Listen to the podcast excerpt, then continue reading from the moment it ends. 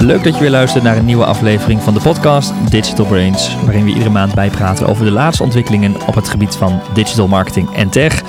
Zoals altijd naast mij Daan Lohuis, stratege bij AdWise. Hey Daan. Hey Joen. En aan de andere kant Junior Melgert, Head of Supporter Services. Hey Junior. Hey Jeroen. Oh. Wij hadden uh, ter voorbereiding op deze podcast, uh, Daan hebben we met elkaar even zitten sparren van ja, wat was nou het nieuws van de maand juli, augustus zeg maar, die periode.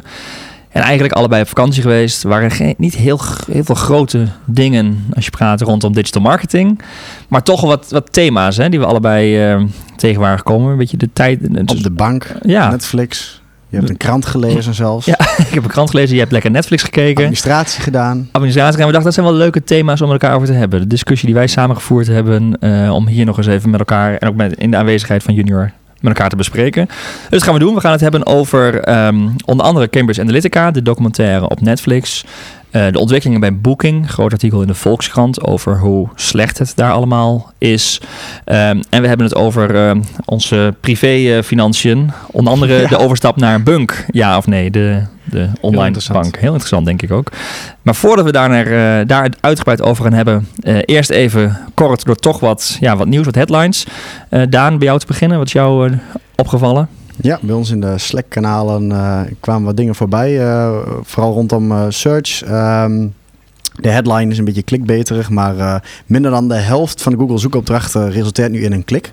Dat is voor de meeste mensen sowieso een beetje nieuw nieuws. Van, hè, is het maar de minder dan de helft? Dus er zijn ook mensen die zoeken en dan niks vinden. Nee, dat is het vaak niet. Het is meer de trend dat... Um, uh, ja, 50,33% is nu geen klik in Google. Maar dan moet je denken ook aan uh, ja, Google Maps, uh, Google Images bekijken gewoon en wat resultaten zien. directe snippets die er tegenwoordig steeds meer uitkomen. Dat er gewoon een quote wordt gepakt van een pagina. Dus wat is dit en dit en hoef je ja, niet meer naar waar site eigenlijk. ook over klaagden. Want daar ja. hebben we, uh, deed me gelijk denken, dus een soort van getallen bij de ene laatste podcast met Tama erbij.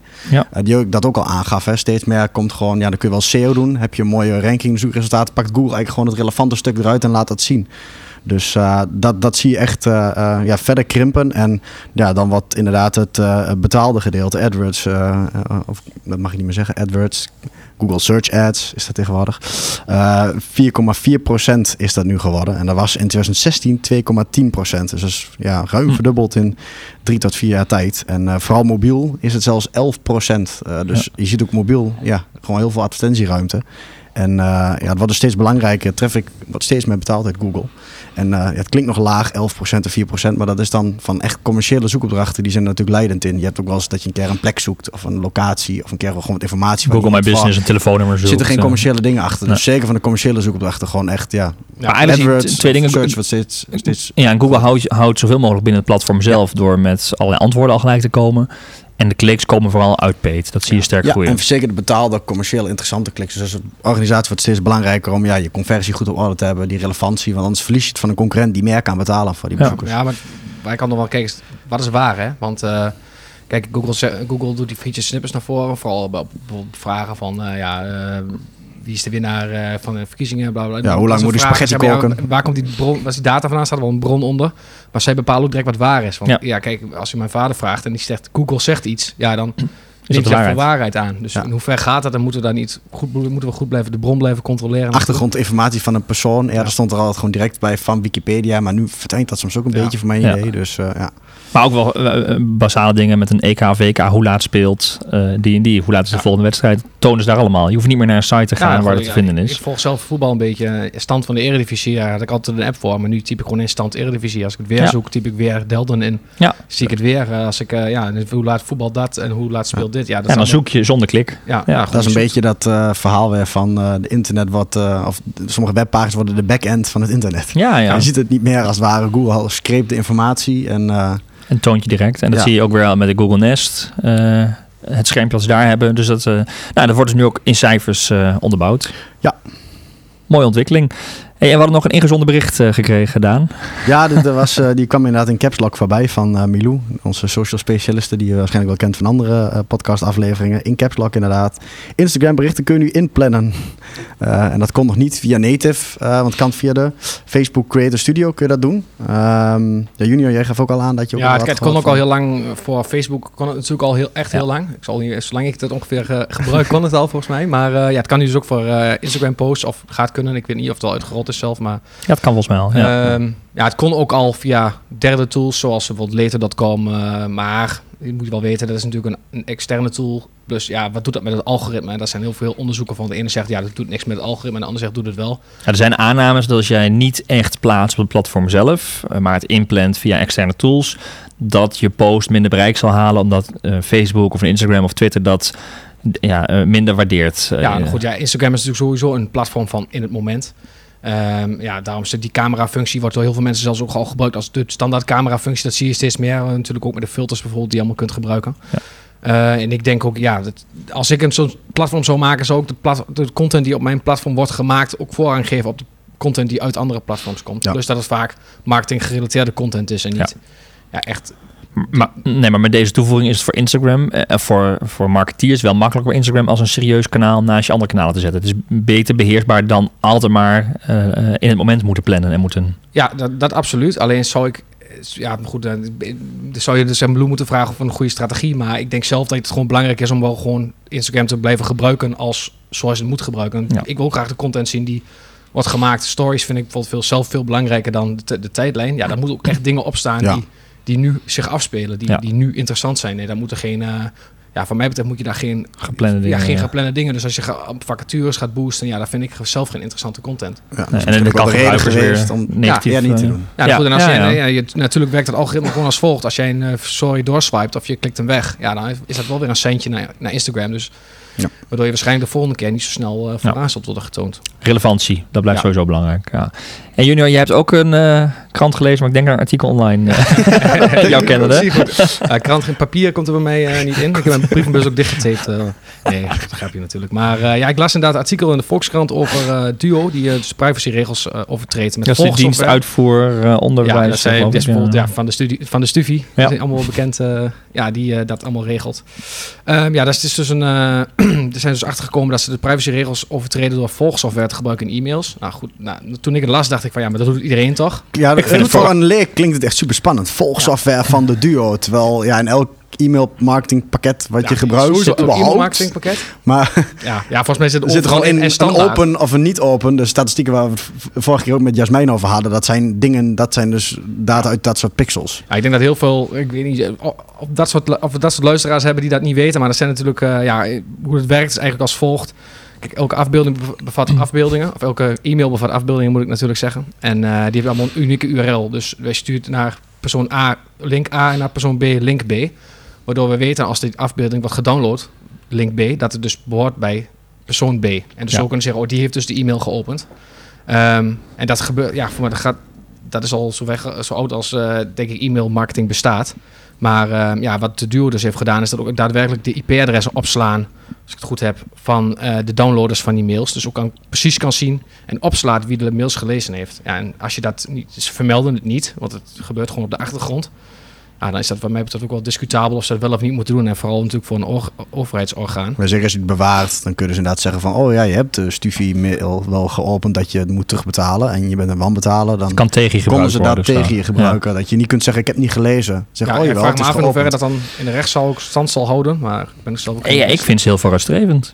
Ik denk eigenlijk een keer een, overheidsinstelling die een keer wel nadenkt over wat je uitstuurt, wat je ermee kunt. Nou, dat, is dus een vraag volgens mij. Of ze dat dan bewust doen. Want ja, dat je de data hebt, dat het wat vergaat door een systeem wat standaard ingebakken zit, dat is één. Dat je het echt gebruikt en bewust hebt ingericht, dat is weer een ander. Ja, maar als je de service kunt verbeteren uh, met remind, niet geopend reminders, dat soort dingen. Ja, ja ik vond het een. Uh, ja, ze hebben wat vingers getikt. Als, als je het gebruikt, nee, maar goed, als je het gebruikt om zeg maar reminders te sturen of zeg maar je hebt me ja. wat jij zegt waar wij normaal voor gebruiken, dan, uh, ja, dan is dat goed. Maar als je het gebruikt om te zeggen van ja, maar jij hebt die mail wel gelezen met, uh, met jouw betalingsherinnering. Ja, dan uh, gaat het wat mij betreft wel een beetje ver, vooral van overheidsorgaan. En nu ook, speelt natuurlijk heel erg omdat AVG nog steeds echt een ding is wat ja, ja. breed wordt uitgemeten in de media. En natuurlijk ook voor de Volkskrant direct weer een mooie... Mooie headline. Ja, mooie headline is. Um, maar, maar dat buiten proportioneel heeft ja, Ik denk dat we, we, gaan, we leggen een vergrootglas op, op duo. Maar ik denk dat heel veel bedrijven dit doen. En ja, meestal met een goede doeleinden om, uh, om de gebruikersgemak te verbeteren, maar uh, niet ja. om uh, mensen te kijken of ze wel of niet een mail openen. Er zijn overigens heel veel tools ook om dit te voorkomen. Dus als je bijvoorbeeld afbeeldingen niet downloadt standaard, is het al bijna onmogelijk om je mails te trekken. Dus uh, ik zou zeggen, uh, zet de duo of, of instantie in jouw... Buitenspel. En, ja. en, we zeggen altijd ook met, uh, dat is de standaardregel met privacy, hè, ehm, grootschaligheid of gevoeligheid van gegevens. dat zijn een beetje de twee red flags, zeg maar, waarin je echt moet oppassen met privacy. Ja. En dat is dit natuurlijk allebei. Het gaat over financiële gegevens. Ja. En het is ook super grootschalig, want de duo kent weet ik niet hoeveel studenten. Dus als je gewoon een database hebt van duizend gebruikers, dan is het allemaal minder zorg. Dit is wel echt serieus bedoel je? Ja, ja, ja. oké. Daar is de AP scherp op. Ja.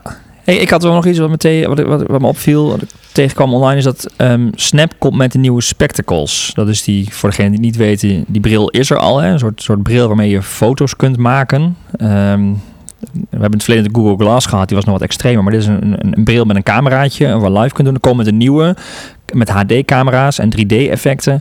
En ik vroeg me af waarom je als bedrijf nog hierin investeert. Wat, wat is nou die ja, die gimmick of die USP of die toegevoegde waarde van zo'n bril. Ik zag Daan, je hebt ook zo'n soort bril, maar dat is gewoon je normale bril. Ja, ja, de foto gezien. Ja, van ja. de luisteraars hebben hier geen klap aan. We zeggen bij de show notes, show je dat eruit Is er gewoon een kopie? Ik heb er geen, pak, plak denk ik twee GoPro's eraan vast. Uh, ja, maar, maar wat is nou de toegevoegde waarde van zo'n uh, bril? Waarom gaat, ga je als bedrijf dat weer verder innoveren en doorontwikkelen? Wat... Ja, Ken die hippigheidsfactor en uh, dat het feit dat we hier nu over hebben, dan is, is, ja. komt, komen ze weer het nieuws met zo'n ding. Hij wordt nog duurder, zag ik inderdaad ook. De eerste versie die was nog grappig, dat was dan 90 euro of zo, of 90 dollar. Die kon je ook in die automaten krijgen. Collega Thijs heeft toen zo'n ding opgehaald in de US, dat je echt wel lachen. Ja. Een beetje speels, uh, uh, speels brilletje ook, van kunststof, knalgeel en dat viel op. en nu is het voor mij van Blue was een keer bij Snapchat uh, bij het hoofdkantoor in Nederland. En daar lagen dozen vol waar ze niet afkwamen. Ja. Dus gaven ze ook weg aan mensen. En uh, ik begreep helemaal de set niet met een... Ja, of ik mis echt compleet iets, maar op een derde spectacles. Het is, ja, het is drie, hè? Het is nummer drie. Ja, de tweede versie was al wat beter. En nu heeft hij echt twee camera's met inderdaad dat ja, En nu zie je ook, er staat ook zo'n hip modepersoon, zo'n vrouw-influencer-achtig een beetje erop. En ja, goed, dat is en hij kost ding, maar ik denk Wel, uh, ja, dus ik, ik, ik, zie de toegevoegde waarde niet. Ik denk ook dat, het hiermee, dat je hiermee geen nieuwe mensen naar het platform gaat trekken. Nee. En de huidige gebruikers die gebruiken het gewoon op de manier waarop ze het gebruiken. Uh, en ik denk ook zelfs ja, dat Snapchat steeds minder wordt, omdat uh, die stories en Instagram zie ik, ik zie alle bekende mensen die ik volgde op Snapchat zijn daar al niet meer. En nee. ik, ik, heb nog zeg maar van de 40, 50 stories die ik daar zag dagelijks zijn er nog drie over. En ik heb alleen nog twee vrienden die mij af en toe wat sturen. En voor de rest. en laatst was de lens een keer een hitje, hè? Want die, dat je een beetje zo'n soort transgender lens was het. Ja. Zo waar je een man een vrouw kon laten zijn en andersom. Oh ja, die, Toen zag je heel veel, maar dan, het cruwe daarvan was, dat gebeurde dan niet zo op Snapchat. Maar dan maakten mensen met Snapchat een soort screenshot ervan of die exporteerden. En, en zet hem dan vervolgens in de Instagram stories of zo. Dat ik, ja, Wat overigens ook een gigantisch privacy lek. Of een uh, weggeven van je privacy bleek te zijn. Uh, ja, dat is het Face app. maar dat, dat is nog even wat anders. Oké dat is inderdaad, dat kwam erachteraan. En dan was dat je oudere werd. Oh ja, die oudere, die was Ja, en Snapchat had eigenlijk meer, had je gewoon een standaard projectie van een vrouw met lange haren. En het zag er ook super grappig uit. Zeker als je een groepsfoto of zo Ik heb geen haar, dat weet ik niet. Maar... Hey, maar als je, als je dan, nou we hebben het even over de toekomst van Snapchat. Hoe zie je TikTok dan daar, uh, daarin? Ja, want er was inderdaad een ander artikel op The Verge. Die zei ook van ja, TikTok krijgt het steeds zwaarder. Daar hebben we het de laatste tijd ook over gehad. Dat was een beetje upcoming. Dat ligt echt ook wel aan de voet van het probleem van Snapchat, denk ik. Daar gingen jongeren, zeker zo 14 of 12 of zelfs als tienjarigen, zeg maar. Die daar uh, met die muziekvideo's allerlei ja, creatieve dingen ook deden. Wat dat betreft lijkt het wel een beetje op uh, Vine, deed het ook wel aan denken. Er was ook van die korte 15 seconden videootjes, compilatiejes die je kon maken met grappige scenario's en situaties. Maar uh, uh, ja, die hebben nu ook zoiets nodig. Iets grappigs, iets geks. Wat hm. het platform weer wat nieuws geeft. Want net als bij Snapchat was toen uniek dat je berichten konden verdwijnen. Daarna, dit is een upgrade naar dat stories verhaal. Wat je nu op Instagram hebt. Dat werd groot door Snapchat. Maar ja, dat wordt zo gecopy-paste door een ander platform. Uh, als Instagram. En uh, ja, die influencers die volgen gewoon het grootste platform. En die dan verkassen hun volgers gewoon mee. Dat zag je met Vine. Dat zag je nu, wat jij, precies wat jij net beschrijft met uh, Snapchat eigenlijk. En uh, de vraag is nu ook, gaat TikTok, zeg maar, zo'n golf komt er eventueel ook nu aan. Dat, ja, de eerste, daar hebben ze hun publiek gegroeid, was een mhm. nieuwe doelgroep. Maar de vraag is, blijft die doelgroep daar en verhuizen ze niet mee naar een andere, ja, platform? Wat, wat, ik denk, TikTok kijk, TikTok is een beetje het gat gesprongen van Snapchat. Had je totaal geen discovery-modus in zitten. Dus je kon echt totaal geen nieuwe content vinden. Je moest echt mensen toevoegen. En ja, je hashtags bijvoorbeeld bestonden niet eens daar. En bij Instagram is het zeg maar weer wat bulkier. Dus waar die snelle content van Snapchat en de, de timeline en discovery-modus van Instagram... is volgens mij een soort van baby ontstaan die dan TikTok is genoemd, zeg maar. Dat heeft natuurlijk een, mhm. niks met beide platformen te maken. Maar ik denk ja, dat, dat je daar moet oppassen dat die grote influencers, daar hadden we het voor de tijd al even over. Wat jij zei, uh, Daan, volgens mij. Die grote influencers die dan, naar een ander, die dan inderdaad uiteindelijk naar een ander platform overstappen. Omdat daar, ja, dan worden ze bekend en dan gaan ze naar oh, YouTube. of, of meer, daar waar ze inderdaad meer geld of meer dingen kunnen doen, alleen maar 15 seconden video's opnemen, inderdaad. Ja, ja dat kan. En dan, en dan, ja, dan gaan de volgers ook weer mee eigenlijk naar het andere platform. Ja, precies. Ja, die verlies je daar ook. Ja, ja. jij had dat voorbeeld met een gamer van Twitch? Oh ja, ja, er is een grote shift geweest van een uh, gamer, uh, die Ninja, die streamde op Twitch. Was voor mij een van de grootste op Twitch. En Twitch is een gaming, game streaming platform. Waar, dus, waar je dus als gamer, je, als je gaat gamen, kunt laten zien wat je doet. Zeker ook heel veel jongeren, hè, met, uh, ja. uh, ben de naam kwijt. Ja, dat spel. steeds minder jongeren gingen zelfs zelf gamen. En dan gingen dus andere mensen kijken hoe die gameden. En daar heb je dus een community en een chat. En, Fortnite. En daar giveaways, dat mensen dingen weggeven. En uh, van alles daar te beleven op Twitch. Dus ga er vooral een keer kijken. Je kijkt je ogen uit. ja. maar ja, wat gebeurt er dus? is dus is die Twitch volgens mij door Microsoft overgenomen op hun nieuwe streaming platform. Maar dus ook heel uh, super goede set, zou je zeggen van Microsoft. Ik weet zo even niet de, of de, eh, de bedragen die daarmee gemoeid zijn. Maar ja, op die manier hebben ze dus een hele heeft Microsoft dus een streamer gewoon gekocht naar hun platform. En op die manier ook heel veel mensen meegenomen om dat platform te, een boost te hm. Dus ja, je, bent, je platform is zoveel waard als de mensen die je content maken. Ja, en de gebruikers. Ja. Uh, die en ook hoe, je, je uh, hoe de contentmakers geld verdienen. Dus dat heb je tegenwoordig veel met merchandise, dat je t-shirts en dat soort dingen, speciale bonussen of zo uh, kunt unlocken als je een betaalde gebruiker bent. Maar ook uh, uh, inderdaad ja, het influencer gedeelte ervan. Dus dat inderdaad betaalde promoties of endorsement echt ja, van als celebrity zijn op dat platform.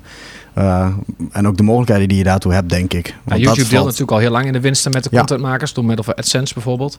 Uh, Twitch doet dat naar mijn weten ook. Je hebt daar een soort van AdSense van Twitch, ik weet niet hoe die dienst heet, maar die deelt ook met de, met de content creators die daar zeg maar voor aangemeld zijn.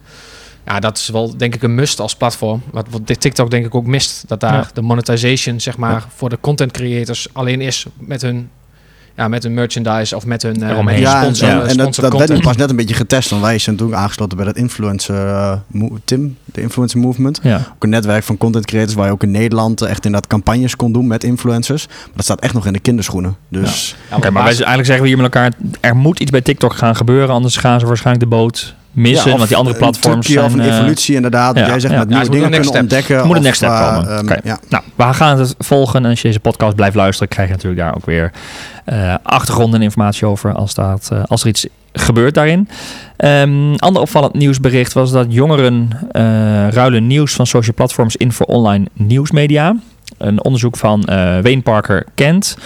Ehm, die hebben dat laten uitvoeren door uh, Mediatest. En het blijkt zo te zijn dat ehm, ja, social platforms nog wel gelden als bron van nieuws. Maar de populariteit loopt snel terug. Van 54 in 2018, 54% naar 33% dit jaar. En daar, dat is natuurlijk ook wel de discussie die rondom fake nieuws. Hè? Dat wat op Facebook staat, jij zei het ook nog een keer, als het in Google staat, of je hoorde ook als op ja. waar heb je dat gelezen, het stond op Facebook, dan is het waar blijkbaar zijn, is er toch een hang bij jongeren in ieder geval om naar een, een officiële uh, nieuwsbron te gaan, een nieuwssite.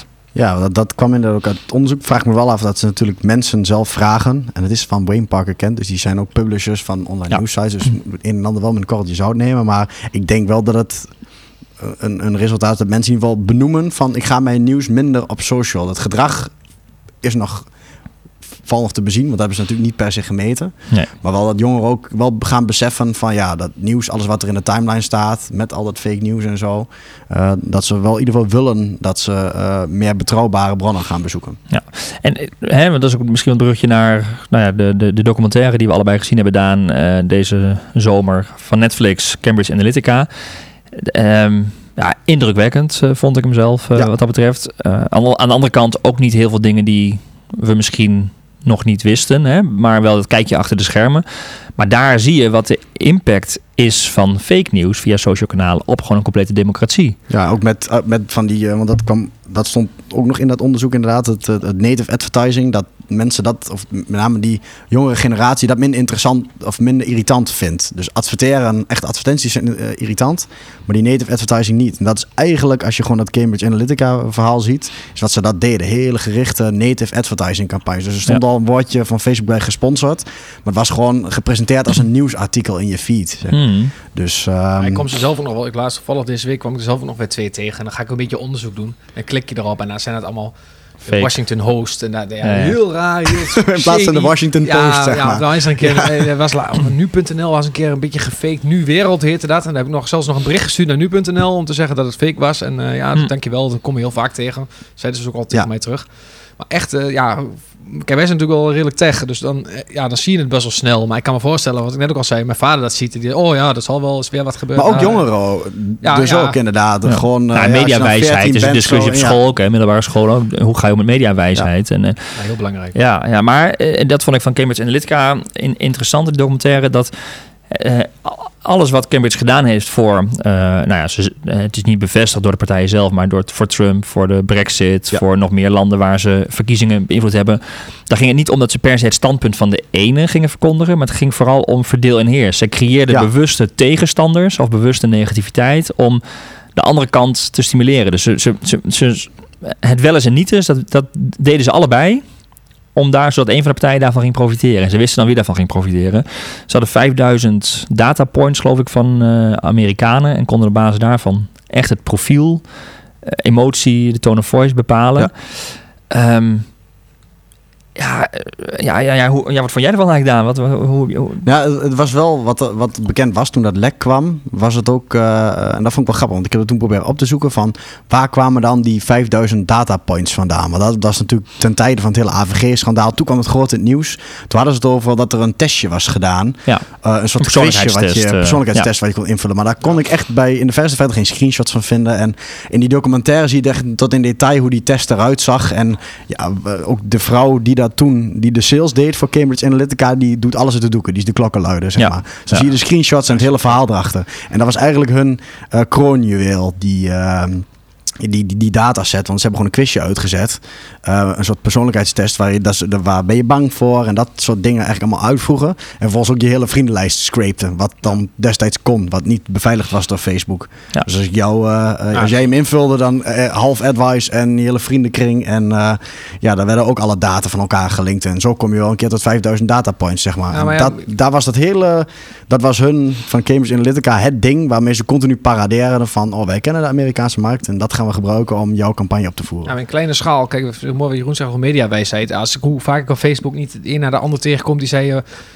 wat, voor, wat is jouw sterrennaam en hoe heet je als Tosti? En, ja, ja, ja. nou, dat, dat, soort dat, dingen. Dat ja, allemaal van die datascraping. dat ja. gebeurt gewoon dagelijks. Ik zie het. Als ik nu ga scrollen, vind ik binnen uh, 50 posts wel zoiets. Ja. iets. Wanneer ga je dood? Uh, Wat je dagelijks ja. Ja, nou, ja, tosti ja, ik noem maar even iets moois. Ja, maar dat is naam als Tosti. Ja, maar dat is, en dat, dat is ook, ook bij wat Cambridge Analytica. Want uiteindelijk, kijk hoe ze oorspronkelijk, dat kwam in die documentaire mooi licht, wist ik ook niet. Hoe ze oorspronkelijk ontstaan zijn, was dat ze zulke psychologische kenmerken hadden dat ze um, uh, de, de, de, militaire organisaties ondersteunden om bijvoorbeeld jongeren niet voor Al-Qaeda te laten recruiten. Dus zij konden jongeren op afstand beïnvloeden dat die niet open stonden uh, om ge, te gerecruit te worden door Al-Qaeda. Ja, en daar kwam eigenlijk social bij inderdaad. Ja, ze zetten social van propaganda. Ja. die, die noemen ze altijd het zoveelste slagveld. Naast het land is in de lucht en digitale oorlogsvoering. De psychologische oorlogsvoering, waar dus ja. Rusland en fake news. En nu in China, Hongkong.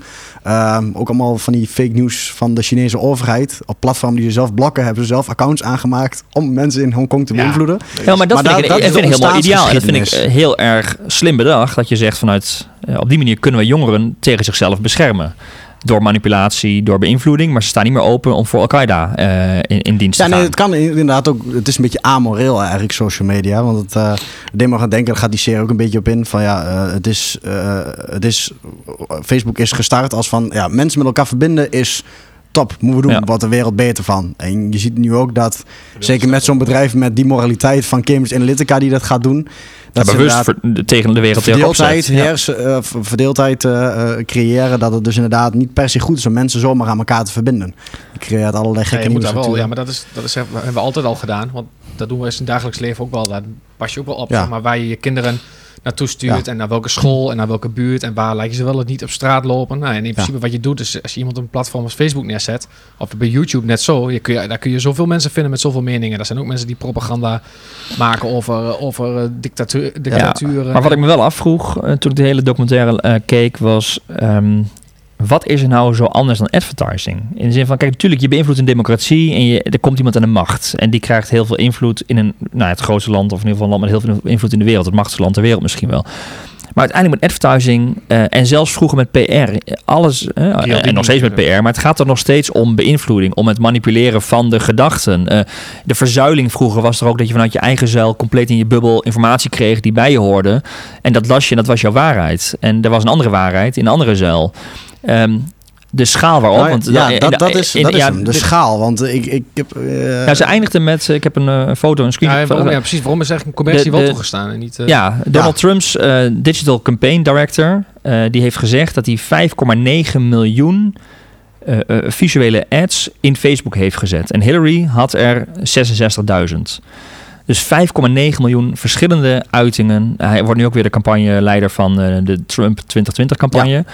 Maar uh, dus, dus de schaal waarop dat je zes verschillende, 6 miljoen bijna verschillende uitingen helemaal gemanipuleerd op de, een, op de individu kunt wegzetten, uh, compleet geautomatiseerd. Dat is natuurlijk de grote impact om een hele wereld of een heel land uh, te overtuigen. Nou, en natuurlijk, die, ik, ik, snap de hele Cambridge Analytica gebeuren en er is wel heel veel van te vinden. Maar als we in Nederland, als ik kijk, dan, wordt, dan gaat, doet de PVV toch ook een, een, een Facebook-campagne op mensen met die en die interesses, die bijvoorbeeld, uh, ja, noem maar iets. Ja, dat is de nieuwe realiteit inderdaad. En uiteindelijk inderdaad, dat is een beetje die amorele, denk ik. Want je kunt het ook in positieve zin doen. Het is, het, het ja. is niet per se slecht. Ja, maar waar is dan de grens? Mogen, mogen we dan, mag, mag, nou, mogen politieke partijen helemaal niet meer Facebook Nee, ik denk maken, dat inzicht, want de, dat is de, de hoofdrolspeler, zeker in het begin van die series, die man die zegt, ik wil mijn data dan zien. En dat konden ze niet meer geven. Dus dat jij controle hebt over waarom word ik beïnvloed. Ja, datarechten als een mensenrecht. Datarecht als een mensenrecht. Dat je weet waarom jij dat soort nieuws ontvangt. En dat, jij, dat, dat er iemand is die jou specifiek aanschrijft daarmee. Ja dan weet je van, oh ja, dit is niet mijn totale wereld. Dit is, ik ben getarget. Ja, hij zegt, uh, we weten allemaal, we worden de hele dag door gemanipuleerd. Ja. Maar je wilt eigenlijk weten hoe, en door wie en waarmee. Zeg maar. Dat is wat je wil weten. En dat recht zou je moeten allemaal niet transparant. En plus dat, dat hele 5000 ja, datapunten verhaal, dat is ook gejatte informatie in principe die ze niet hadden mogen hebben. Ja, maar dat, dat, ik, ik snap wel helemaal wat je zegt. Dan, we willen dat allemaal weten. En die data is hartstikke goed en dat zouden we ook moeten delen. Maar Moeten we dan, moest dat vroeger toch ook vragen aan de bakker op de hoek of die je spaarboekjes bewaarde met jouw naam erin. Dat is toch hetzelfde of die, daar, of die een poster ophangt op, op zijn stoel. Nee, Netflix. dat, vind ik, dat vind ik niet, want je hebt, uh, um, je hebt zo'n aflevering uh, van. Um, een podcast die ik ook vaak luister, Stratechery. En die hebben laatst uh, eentje, dat is een Community of Loonies, noemen ze die aflevering. Dus een community van gekken. En dat is een beetje wat je door die grotere schaal op internet krijgt. Als iemand een keer wat vindt. Normaal was je, vroeger zeiden ze in een klein dorpje, was je een van de honderd man die in één keer riep van, uh, ja, die uh, neonazisme ging doen, zeg maar. Ja, ja dan was je gelijk afgestemd, was jij een gekkie en, en, dan ging iemand met jou praten. Maar nu ga je het internet op en dan vind je duizend andere gekkies, zoals jij, die die denkbeelden deelden. En dan ga je op Facebook en dan krijg je allemaal dat soort een algoritme zegt, oh, dit vind je interessant. Amoreel dus, hè, want het kan goede dingen, die uh, kunt wereldverbeteraar zijn. Dat, dat maar dan word je dus gevoed met allemaal van die kwaadaardige dingen. En dan denk jij, oh, de hele wereld is hartstikke gek. Ik ben normaal. En dat is door die schaal... Op, op 4chan en uh, 8chan boards, ja. dat soort dingen terecht. En dat zijn, dan word je wordt ook gevoed, de een, de een stookt de ander op. Maar dan, dan wordt het heel extreem ingezet tegen de slechte kant. Aan de andere kant, Netflix zet ook uh, van een serie 100 of 200 verschillende trailers in... die compleet gepersonaliseerd zijn op mijn kijkgedrag en mijn geslacht en mijn voorkeuren. Uh, en dan wordt mijn trailer anders voor een serie dan die bij Junior is bijvoorbeeld. Ja, maar hoe is dat anders als... Kijk, wij kijken allebei veel YouTube. Maar je zit na een tijdje helemaal in je bubbel. Ik krijg alleen maar tech-dingen te zien. Ik, ik krijg nooit wat nieuws te zien. Ik zit helemaal compleet afgezonderd. Moet ik een krant lezen? Ik, kijk, ik, kom, ik, ik kom laatst iemand tegen die doet Apple moederbord reparaties. Nou, dat vind ik dan weer super interessant. Dan kijk ik dat weer. Maar dan kom ik weer op iemand die reviews doet van tech. En alles tech, tech, tech, tech. En ik kom dus nooit meer ergens anders je, wat, verzuiling begint gewoon echt weer opnieuw op dat soort platformen. Ja, ja, ja. Dus gewoon exact alleen maar bubbel. Zien, in je bubbel blijf je. Nou volgens mij uh, kunnen we er uren over doorpraten, maar uh, is het, het kijken zeker de moeite waard uh, van deze documentaire. Ja, en kijk ook Netflix. Met, ik had hier genoteerd, met, een, met, je kunt met een hele sterke bril moet je dan kijken, met hele sterke glazen erin. Kun je inderdaad ook wel wat marketing dingen uithalen. Dus inderdaad, ja, dingen uitvragen bij je gebruikers en vervolgens echt gepersonaliseerd met van ja, wat vind je nou belangrijk en zo. Dat is echt wel een trend die gaande is. En als je goed kijkt, zit dat onder water, als je het positief zou gebruiken, wel een hele mooie methodiek in. Ze doen het echt wel slim. Dus ja, de, Zeker als, vanuit die marketingbril. Je kunt er heel veel van leren wat, wel, wat niet per se grijs of zwart is, maar wat nog in, de witte, in het witte gebied, gebied valt. Uh, zeker. Hey Daan, dan hebben we ook, ja, even naast ontspanning met een Netflix-documentaire, hebben we ook allebei volgens mij met onze beentjes um, op tafel nagedacht over, tenminste vind ik altijd zo'n zomer is zo'n reflectiemoment. Nou, wat zal ik eens dit jaar, of de rest van het jaar gaan verbeteren? Wat worden mijn doelen? En uh, dat zit bij mij ook heel vaak in persoonlijke ontwikkeling, mijn privé-situatie. Ik loop ook altijd even mijn contracten, mijn abonnementen door. En nou, na de vakantie hadden we het met elkaar zo over. En, en ik overwoog om over te stappen naar Bunk als bank. En jij was net overgestapt naar Bunk. Ja. Dus jij hebt mij uh, het laatste setje gegeven. influencer. Uh. influencer. Ik ben micro-influencer. Ja. um, en ja, ik vond het wel, we hadden daar uh, met elkaar over gehad. En, en, en, ik vond het wel een interessante, um, om ook hier nog even met elkaar te bespreken. Want Bunk is een bank die, uh, het is geen grootbank uh, zoals we ze kennen. Het is compleet di digital. Hè? Dus tech startupje. Tech startup. Op user experience. Ja, dus. De fintech waar heel veel gebeurt. Ja, user bank experience. of the free noemen ze. De bank of the free. Heel ja, mooie positionering. Um, en ik merk nu al, ik, ik ben daar uh, zelf een beetje aan het ontdekken. Ik merk, ik kan rekeningen openen binnen een paar seconden, opheffen binnen een paar seconden. Ik kan hem pasjes aanvragen, pasjes weer verwijderen. Online ik kan, creditcard binnen online creditcard. En pincodes kan ik onbeperkt en... wijzigen uh, naar een pincode die ik makkelijk vind. Ja. Uh, je kunt zelfs met één pasje twee pincodes en toets je pincode A1 gaat het van rekening A af. En toets je pincode B, dan ga je van rekening B af. Dacht, ja, dit is bankieren van de toekomst. Zo voelt het voor mij. Ik weet niet, junior, waar, wat jouw bank is. Uh... Ja, ik zit bij de ING. En ja. dat was eigenlijk... Ja, ik heb, ook, ik heb zelf een bankrekening gehad. Maar ik, ik moet wel eerlijk zeggen, de overstap naar een andere bank vond ik vind ik altijd een beetje een soort van... Ja, jongens, de overstapservice van Bunk, 13 maanden lang, alle incasso's worden doorgestuurd, alle machtigingen, en zij gaan alle partijen aanschrijven dat je bank moet ver, bankrekening moet veranderen. Oh, dan, dan, Regelen ze allemaal zijn voor. Dan heb je een Ik heb aandelen en ik moet even zeggen, ik zat nog heel even... ik wil zeggen, ik kan zo... En ik zat nog heel even creditcard hebben, hebben ze een creditcard? Ja, Mastercard? Ja, ja. Nou, ik, heb, ik zat wel even ja. kijken. Het is een, ik voel me een beetje een early adapter, maar ze bestaan al een aantal jaren. Maar ze hebben nog wel maar 30.000 gebruikers. Dus ik, ik, ik snap wel wat jij ook een beetje hebt van... Ja, nog maar 30.000? Ja, dat, in ieder geval in 2018. Daar is die allemaal een tientje in de maand betalen. Ja, maar ze draaien wel flinke verliezen nog. Dus het is wel wat dat betreft um, nog geen halleluja verhaal. En ik vind het ook nog wel heel moeilijk om alles bij mijn gewone bank op te zeggen, echt, te beëindigen. Heb ik ook nog niet gedaan hoor. Ja, nee, ik, heb alles niet. gewoon automatische regel van schrijf ja. alles over naar de bankrekening en dus onderliggend nog steeds meer een Rabobank ding en, wel. En, maar uh, maar, maar, maar bij Bunk bijvoorbeeld, je kunt 25 rekeningen aanmaken. Dus ik kan uh, veel meer budgetten beheren. Ik kan zeggen, ik ga uh, op vakantie, maak ik een aparte rekening voor, ga ik naartoe. Uh, voor boodschappen een aparte rekening, voor de vaste last een aparte rekening, voor de kinderen, voor um, um, weet ik wat, koffie drinken uit eten gaan, aparte rekening. Je kunt dus veel beter ehm, je budgetten beheren. Ja, dat kan ING ook wel. Dus. Onbeperkt aantal rekeningen? Ja, ja nou, ik weet niet of ze allemaal een rekeningnummer hebben dan, maar dat is het enige dan. Even mij, ja, voor mij betreft is een pasje aan één rekeningnummer voldoende. Het zal vast kunnen. Maar ja, ik ben bij ING dus gebleven, omdat ik vind dat ING al jaren voorloopt op op ja, dit gebied. Tech. Qua ja, tech ja. loopt al ja, jaren ja, voor. zeker. Die tankcodes begon het al. En, Apple uh, Pay. Ja, tankcodes al in die boeken vroeger nog. Dat ik de lijst met tankcodes had, dat was al wat. Maar uh, ja, dat is wel heel lang geleden. Maar uh, Apple Pay natuurlijk als, als de eerste Apple Pay integratie. Heeft Bunk ook overigens. Ja, maar, maar in, Bunk, Bunk nog niet in Nederland nee. officieel. Daarom heb ik het vorig jaar als nee, eerste Italië, genomen. Italië omweg. En, even naar Italië verhuizen, theoretisch. En dan een belastingontduiker als je daarmee bezig Ja, dat klopt. Maar dat dus nu, is nu native in Nederland Apple Nee, Pay? nog steeds niet. Ik heb nog steeds, als ik, uh, er staat iets van attendre prego, als ik bij pinautomaat sta. als ik goed uitspreek. ja, maar ja, goed, ja, ik vond dat ING dus al... Ja, ik, wat ik mooi vind bijvoorbeeld is dat... Dit, als ik er kijk naar bunks, ze zouden voorop met twee pincodes op één pas met een gezamenlijk... Kijk, dat zit, dat zit, maar dat vind ik wel, kunnen veranderen. Dat zijn wel echt hele kleine features die een bank... Maar het is bank, wel de user experience. Nee, als je ja. aanmeldt bij Bunk, dat is echt gewoon een... Ik zou het gewoon überhaupt doen, want het is gratis. Maar ja, dan, ja, handscan. Het zit een beetje, ze maken gebruik van allerlei tooltjes. Je kunt ook bijvoorbeeld... Uh, ik heb laatst een rekening die ik moest betalen. Die kreeg gewoon per post van de containerreinigingsservice of zo. En dan scan je dat ding in en dan tilt hij automatisch, gewoon met Google hoor, uh, de, de juiste rekening met het bedrag, de, het overschrijf, uh, de omschrijving en zo, ja. tilt hij eruit zodat je dan zomaar kan betalen. Dat soort kleine dingetjes hebben ze allemaal geïntegreerd. En ook bij het aanmelden of je pascode niet in te typen, zeg gewoon pak mijn locatie en dan flap. Ja, bij welke bank kun je aanmelden, zeg maar, binnen vijf minuten? Vijf minuten. Het is vooral ja. kleine dingetjes in de user experience en dagelijkse dingen die ik wel beter vind dan de Rabobank-app bijvoorbeeld. Daar is, ja, ja, je kunt in theorie, je merkt, kun je via een bepaald menu een een, nee, maar, een, digitale rekening aanmaken, maar dat duurt 30 keer zo lang. Zeggen ze staan gewoon, ze zijn nu echt aan het ontwikkelen voor de user experience. En ja. het is geen bank die geld. Dit gaat gewoon om de mensen en het ja. gaat gewoon om de goede... En ze vallen wel onder het uh, depositogarantiestelsel. Uh, dus dus je, je geld is veilig daar. Maar dat gevoel, er is iedere keer een update, ontwikkeling vanuit de user experience. Ze hebben niet een logge bank achter zich. Um, um, en, en, ze zijn internationaal. Uh, ik, ja, jij, zegt wel, je kunt dat in, bij een ING kun je ook die budgetten, maar je hebt wel nog altijd zeg maar, een liquiditeitsprobleem. Dat wil zeggen, als je een kwartaal afschrijving van de gemeente krijgt, dan kan wel een keer het budget voor de huishoud, uh, voor de boodschappen. Ja, dat vind ik zelf ook wel. Dan, dan kun je bij de supermarkt staan, zijn in één keer rood, omdat de gemeente iets afgeschreven heeft wat ze één keer per kwartaal doen. Ja, nou, dat heb je met deze rekeningen niet, want je, je, je hebt alles gelabeld en geïsoleerd op aparte rekeningen. Um, wat ook een hele met aparte rekeningnummers. Ja, aparte rekeningnummers. Ja, ja. Dus je, oh, je kunt, je kunt een pasje kan ik zeg maar wat ik heb koppelen. Een pasje kan ik morgen aan een andere rekening koppelen. Ja, maar wat ik wel heel interessant zou vinden, inderdaad, wat jij zegt. Oh, no, dat, dit komt nu kwartje valt, ja, hoor. kwartje valt nu even, maar misschien kan dat met de ING ook. Kwartje. Ja, wat ik interessant zou vinden, automatische afschrijving, gewoon op een bepaald rekeningnummer allemaal te laten afschrijven. Ja. Dan budgetteren, dan zeg je gewoon, nou, één keer zoveel geld op. Ja, dan kun je, en als ik morgen helemaal anders wil, dan kan ik alles omgooien. En dan heb je niks, geen... Uh, geen gedoe, nou, geen, geen, en, ook echt direct online regelen. Dat, uh, ja. Het is direct om.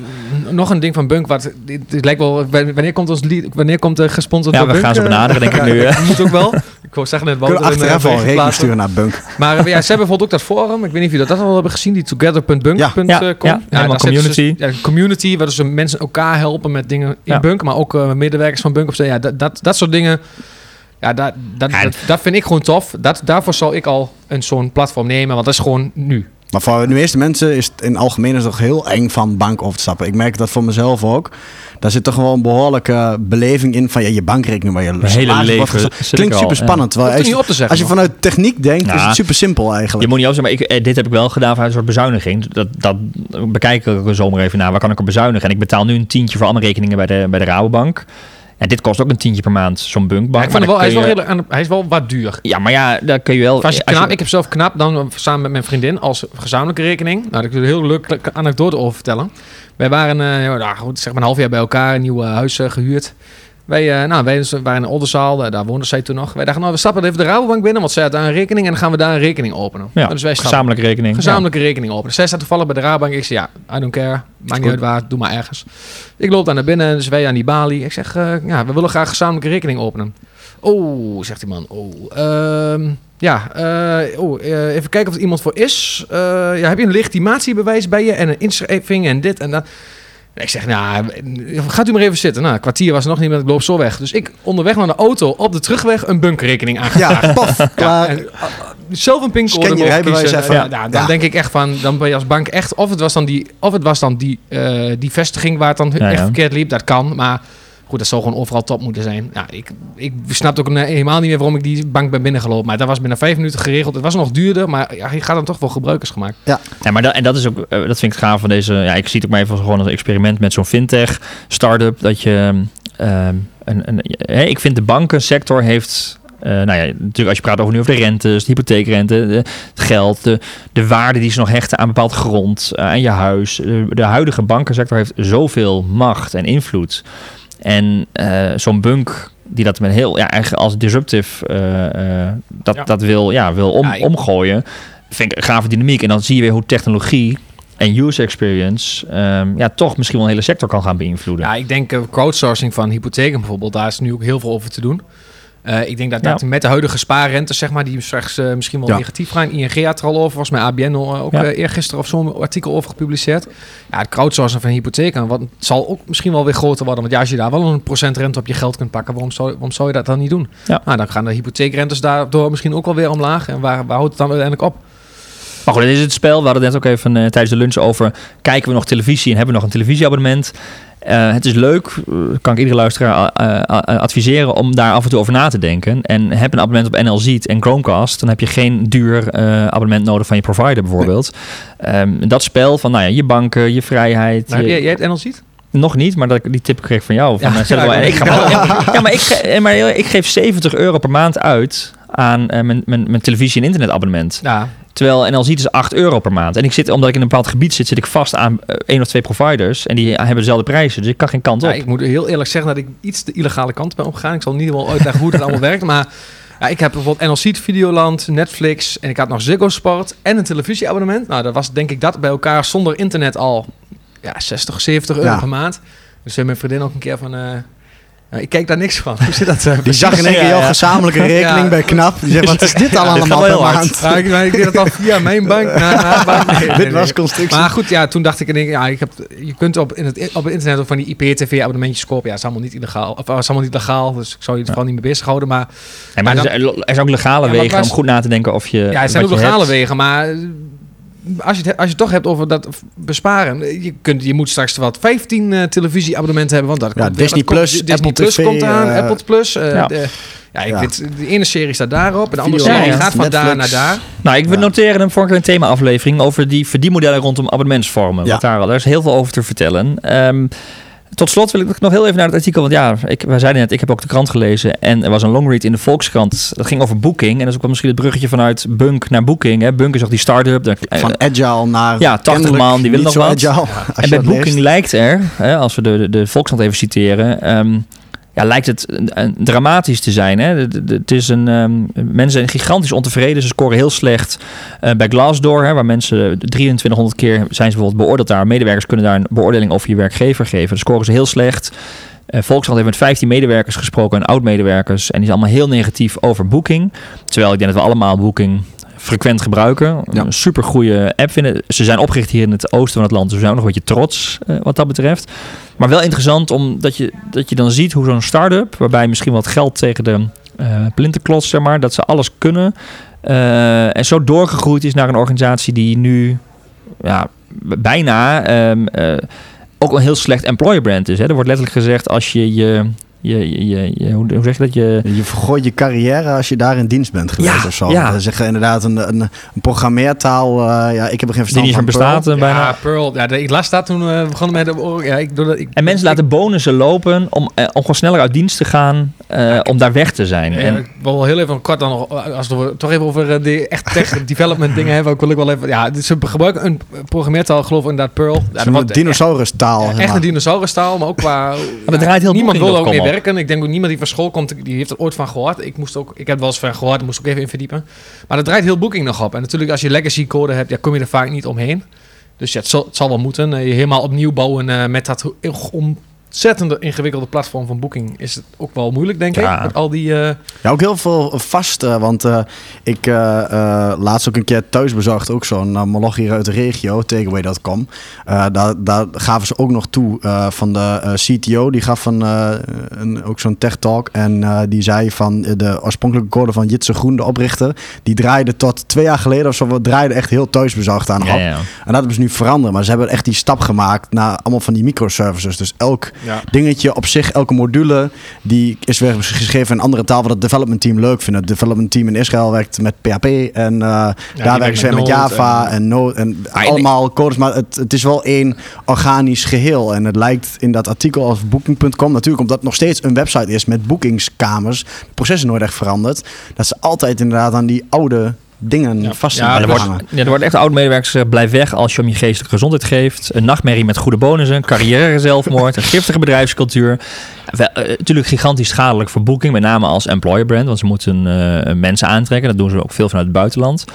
Ehm, maar ook wel heel interessant hoe een toch wel een hippe start-up zo kan doorgroeien naar Ja. een organisatie waar, Ik wat, wat zo log is. Ik heb het artikel ook gelezen en het heeft, ja, als je de, het, het, het, het riekt aan alle kanten naar groeipijn en die mensen, mensen soms, vroeger, er was een, blijkbaar een rondleiding met twintig mensen en dan zeggen ze vaak van, ja, oh, je bent van de groep van januari, nee, wij zijn de vroege januari groep. Ja. Dus er was blijkbaar in januari nog een groep van twintig En dat ze mensen, dan alleen op beginnen? die afdeling. En dat ze dan beginnen en zijn in dienst genomen, want die afdeling moest groeien, maar je hebt eigenlijk nog geen doel. Dat je ook begint en ja, wat, wat moet ik doen dan vandaag? Ja, Ja, dat plus weten dat we nog niet. En de afdeling opgeven, en die mensen hebben gewoon niks meer te doen en zijn nog in dienst of zitten Ja. thuis. En, Ja, plus eh, het platform is al ontzettend overgeoptimaliseerd. Dat zie je wel aan alle bannetjes met nog 16 kamers hier. en Ja, dit- die vind ik, eh, dat noemden ze, dat zit in de introductie van het artikel, dat vond ik de mooiste samenvatting van eh Booking. een gigantische door neuromarketeers ontworpen muizenval met overal virtuele blokjes kaas om klanten te vangen. Ja. Laat geboekt vier minuten Geniaal. geleden. Nog drie kamers vrij op deze site. Ja, Ja. ja, dat, dat dus precies. En dan ja, er stond ook artikel of eh, reviews van mensen die zeiden: ja, ik ben, ik was, ik was een week bezig om te, om te, om, om een kleur van een knopje aan te passen en om te kijken of dat dan wel, wel of niet werkte. Ja, Ja. dat maar je als is doorgeslagen. Ook in de user experience denk ik ook hoor. Ja, misschien voor CRO maakt die is hartstikke leuk om daar te werken. Maar als je developer bent, wil je gewoon gave shit maken. Ja. maar dat Ja. is het gewoon. Ja. En je wil gewoon aan iets, aan iets substantieels werken. En je wil niet werken aan één knopje, het review knopje om vier pixels naar Ja, links te plaatsen. betekenis in de wereld wordt dan vrij laag. Ja, ik vraag me ook af hoeveel, wat er nog gebeurt qua development dan verder. Want het is best wel het, het staat, bedoel site is af. Ja, dus ik verkoop geen hele grote nieuwe dingen. Ja, dat bedoelde ik net ook thuis bezorgd of zo. Dat heb je nog eh, echt hele nieuwe. Uh, is, dat is een ontwikkeling. Veel meer is, is het, variabelen. De hotelkamers ook heel erg dan nieuw. Dat is al heel oud. En wat, wat, wat, moet er nog bij komen? Ja, dus dat is. Maar jongens, eh, natuurlijk Booking geeft aan dat ze andere geluiden uh, hebben intern. Hè, dat ze het zich niet herkennen. Hè, dat moeten we ook zeker wel uh, ook vermelden natuurlijk. Maar nou ja, het verhaal van de Volkskrant is in ieder geval grondig gedaan. Aan de andere kant, ja, mensen die willen praten zijn ook vaak mensen die natuurlijk negatiever uh, zijn waarschijnlijk. Hè. er staan ook goede. Ik, ik, klikte net toevallig even door Glassdoor en ik zie, ik, daar staan ook goede reviews op. Maar ja, er staan 2500 reviews op. Ik weet ja. hoeveel mensen daar werken. Maar... Ja, duizenden. Ja, maar als je dit zo leest, is dit een risico voor Booking? Gaan we Booking over een paar jaar niet meer, niet meer hebben? Zou een nieuwe start Booking omver kunnen drukken? Ik denk, nou, dat gebeurt misschien al wel een beetje met een Airbnb en Google, wat zelf hotelkamers. ik denk wel dat ze, ik, ik denk niet eens qua employer brand van de beste techneuten aan te, maar vooral de beste user experience designers. Zeg maar, die zitten al, is er echt een mantra van we zijn geen techbedrijf. En, uh, uh, maar ook dat ze heel erg vastzitten in een optimalisatie ding, zeg maar. Uh, wat je net zei, met die knopjes en de conversieratio's. En iedereen die ik ook spreek, hoor je van, ja, het is een beetje een irritante site. Je moet daar een hotel boeken. Het zal wel het goedkoop zijn, maar het is niet leuk om een hotel te boeken. Terwijl als je een Airbnb boekt, dan is het gewoon een leuke ervaring. Vriendelijker. Dat vinden mensen leuk om te doen. Terwijl eigenlijk levert het een soort van omgekeerde stress op. Als je, een berichtje van, de, van degene waarvan je, van je boekt op, op, op Airbnb. En dan zegt, oh wat leuk dat je bij mij komt. En je kunt hier parkeren en daar eten. En uh, bij boeking gebruik ik. was, ben naar Spanje geweest voor uh, drie weken geleden. Nou, ik heb vijf hotels geboekt. Ik heb alle vijf de hotels bij Booking uitgezocht. En ik heb ze vervolgens op de website van ja, hotels zelf geboekt. Omdat ik ja, dat je al weet van, ja, dat is ook maar uh, een aanbod. Ze hebben die drie kamers op boeken.com staan en zeven nog vrij. Ja, het helpt je goed oriënteren. maar ik, ben best wel, ja, ik ben natuurlijk ook... Ja, ik kan me voorstellen als je alleen maar die, die boeking wil gebruiken omdat het makkelijk werkt, omdat je weet hoe dat werkt. Maar ja, goed, elke, elke beetje groot hotel heeft tegenwoordig gewoon ook een goede module of, of een module die ook, uh, ook, collectief wordt nou ja, dus, dus misschien wordt booking ingehaald door de hotel zelf wel weer. Of misschien door een Google of uh, wat dan ook. De moeite van het lezen ook waard. Zeker. Heerlijk eigenlijk zo'n zomer gedaan. Dat je even gewoon uh, over dit soort dingen de tijd kunt nemen en uh, ja, dat was inderdaad een redelijke long read. En, uh, maar zo'n Netflix documentaire mogen ze wel meer van maken. Ja, dat is ja. Uh, die zijn, zo die zijn mensen die kijken ook wel buiten de vakanties om. ja, dus zei wat Thijs staat al hier een collega die was al toen hij dacht dat hij uitkwam. Ieder, heb jij hem al gezien? En, je moet hem kijken en uh, moeten dit en we moeten het was samen kijken. Ik had hem niet gezien, zeg maar nog. En toen had uh, intern iemand Koen die had het benoemd. En toen opende ik de Netflix-app en toen stond hij er. Ik denk, oh jee. Ja, wat Netflix ook super goed kan. Het zal vast wel gepersonaliseerd zijn. Maar ik zag die, ik zag die leader zo midden groot voor Netflix. En dan zie je dat... Ja, die, die trailer was ook gewoon vet. En je, dat, dan ga je het ook kijken. Die doen dat gewoon super goed aan het platform. En, uh, ja. Nou ja, we gaan ze in de show notes zetten uh, van deze aflevering, zodat je ze kunt vinden en er meer over kunt lezen. Of wellicht ook zelf even kunt terugkijken wat betreft de Netflix documentaire. Je vindt de show notes op advice.nl slash podcast 28. Uh, en, was je nou ergens niet mee eens in deze aflevering en wil je dat toch met ons delen, dan kan het natuurlijk via podcast.advice.nl. Je kunt ook altijd via de social media uh, ons bereiken. Um, en uh, ja, als je ook deze aflevering weer leuk vond, um, dan geef ons een beoordeling via de iTunes Store, via je podcast-app kan nog geloof ik. Um, en meld je ook aan voor onze podcast. abonneer je erop, zodat je ook de volgende afleveringen weer krijgt. Iemand nog een laatste. Ja, ik wil graag, maar ik wil. Ik, we hebben net nog even gehad over Netflix en dit hele. Nou, die volgende aflevering wil ik wel ook weer. Uh... Over die abonnementen. Ja, daar heb ik nog heel veel over te zeggen. Dan ben ik, daar ben ik er zeker bij. Kleine sollicitatie. Ja. We gaan er niet toe zeggen dat het de volgende aflevering is. Maar over te vinden. als hij eraan komt, Junior, dan ben je bij deze uitgenodigd. Heel graag tot de volgende keer.